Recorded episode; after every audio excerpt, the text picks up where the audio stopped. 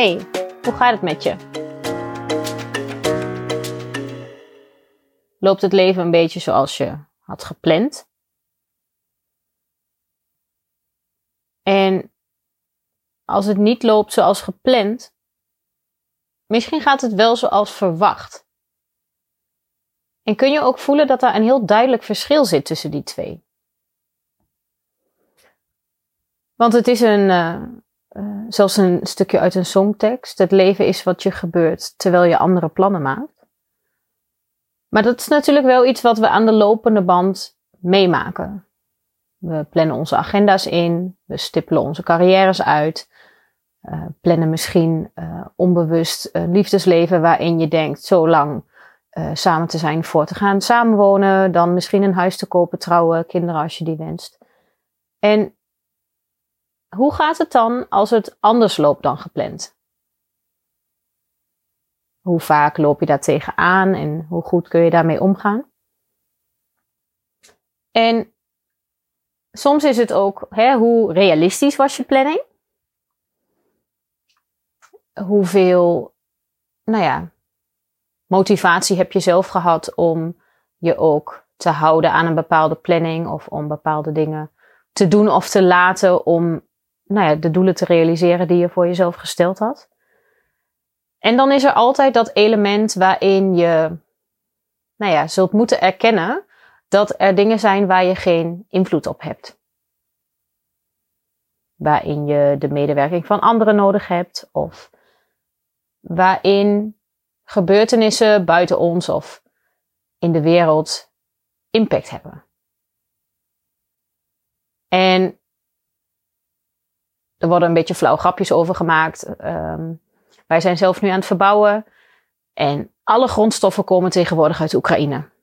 Want als de leeftijden tegenvallen of als de prijzen een stuk hoger zijn dan voorheen, um, ligt het allemaal daaraan. He, voorheen hadden we corona, nu hebben we uh, de oorlog, waar iedereen ook, nou ja, als dingen anders lopen dan gepland, het daarop kan schuiven. En de sleutel zit hem heel vaak in hoe jij beleeft dat dingen anders lopen dan gepland. Um, mensen vragen nu heel vaak aan mij: en hoe loopt het met de verbouwing? Loopt het een beetje zoals gepland? En het is misschien een beetje flauw, maar ik reageer vaak: ja, het loopt niet zoals gepland, wel zoals verwacht. Omdat, nou ja, Sil werkt in de bouw. Um, en hij heeft ook de ervaring dat zeker in de tijd van nu veel dingen niet de planning halen of met langere leeftijden te maken hebben. Waardoor de verwachting is dat de planning wel eens op zou kunnen schuiven. En er zitten twee kanten aan dit verhaal. Want de ene kant heeft ermee te maken, ja, hoe realistisch is je planning?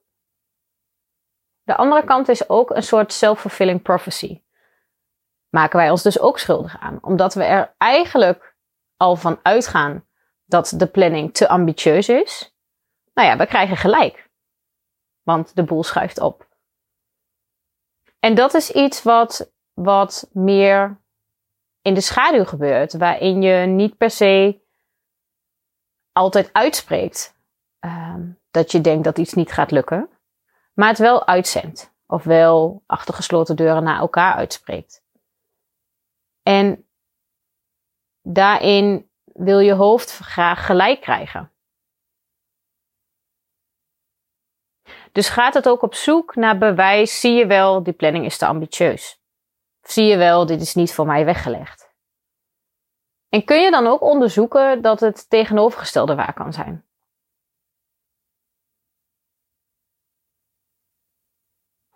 En kun je ook, als dingen anders lopen dan gepland, je voorstellen dat dit precies is wat er moest gebeuren, omdat er nog iets mooiers op je ligt te wachten. Nog mooier dan je had kunnen bedenken. Zodat je zelf ook kan ervaren, terwijl je met iets bezig bent, dat je eigenlijk iets anders wil. Of dat dat doel wat je voor jezelf gesteld had eigenlijk helemaal niet meer relevant blijkt te zijn.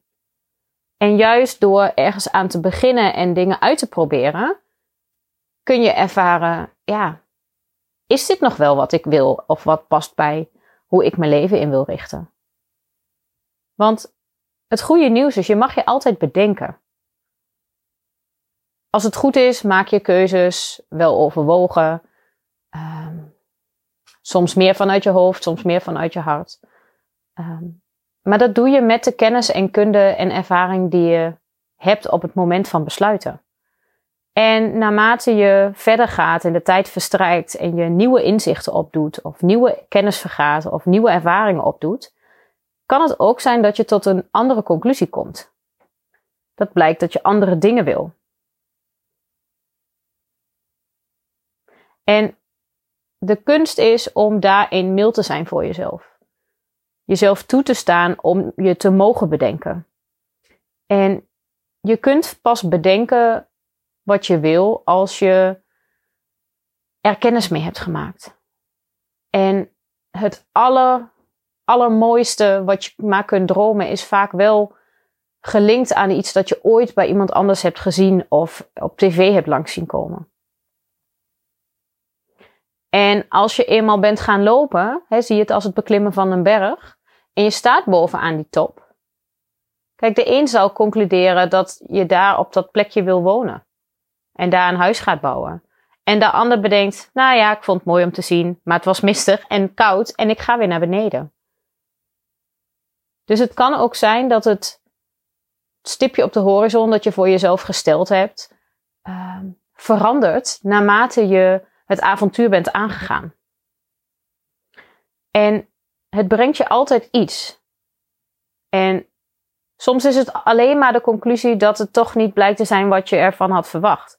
Of dat het niet is wat bij jou past of niet voor jou weggelegd is. En kun je dan dankbaar zijn voor iets dat het je wel gebracht heeft? Even een heel puur praktisch voorbeeld bij ons.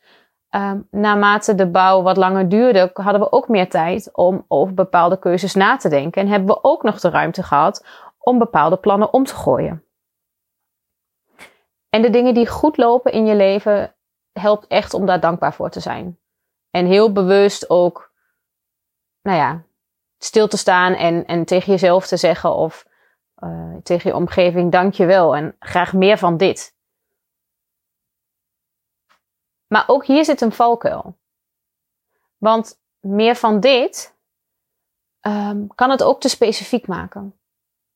En het stellen van doelen kan ook zorgen voor een kokervisie.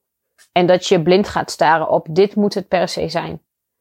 Terwijl ik je ook gun dat je niet blind staart, maar je open houdt voor mogelijkheden die nog veel passender en mooier en groter en vervullender zijn dan waar je ooit bij stil had durven staan. En dan is de kunst om uit te zenden graag meer van dit of iets beters. En dan ook echt te voelen dat dat voor je weggelegd is. Dat je jezelf toestaat dat het leven uh, je toe mag lachen. En dat je het um, beter mag hebben dan de persoon die je gisteren was.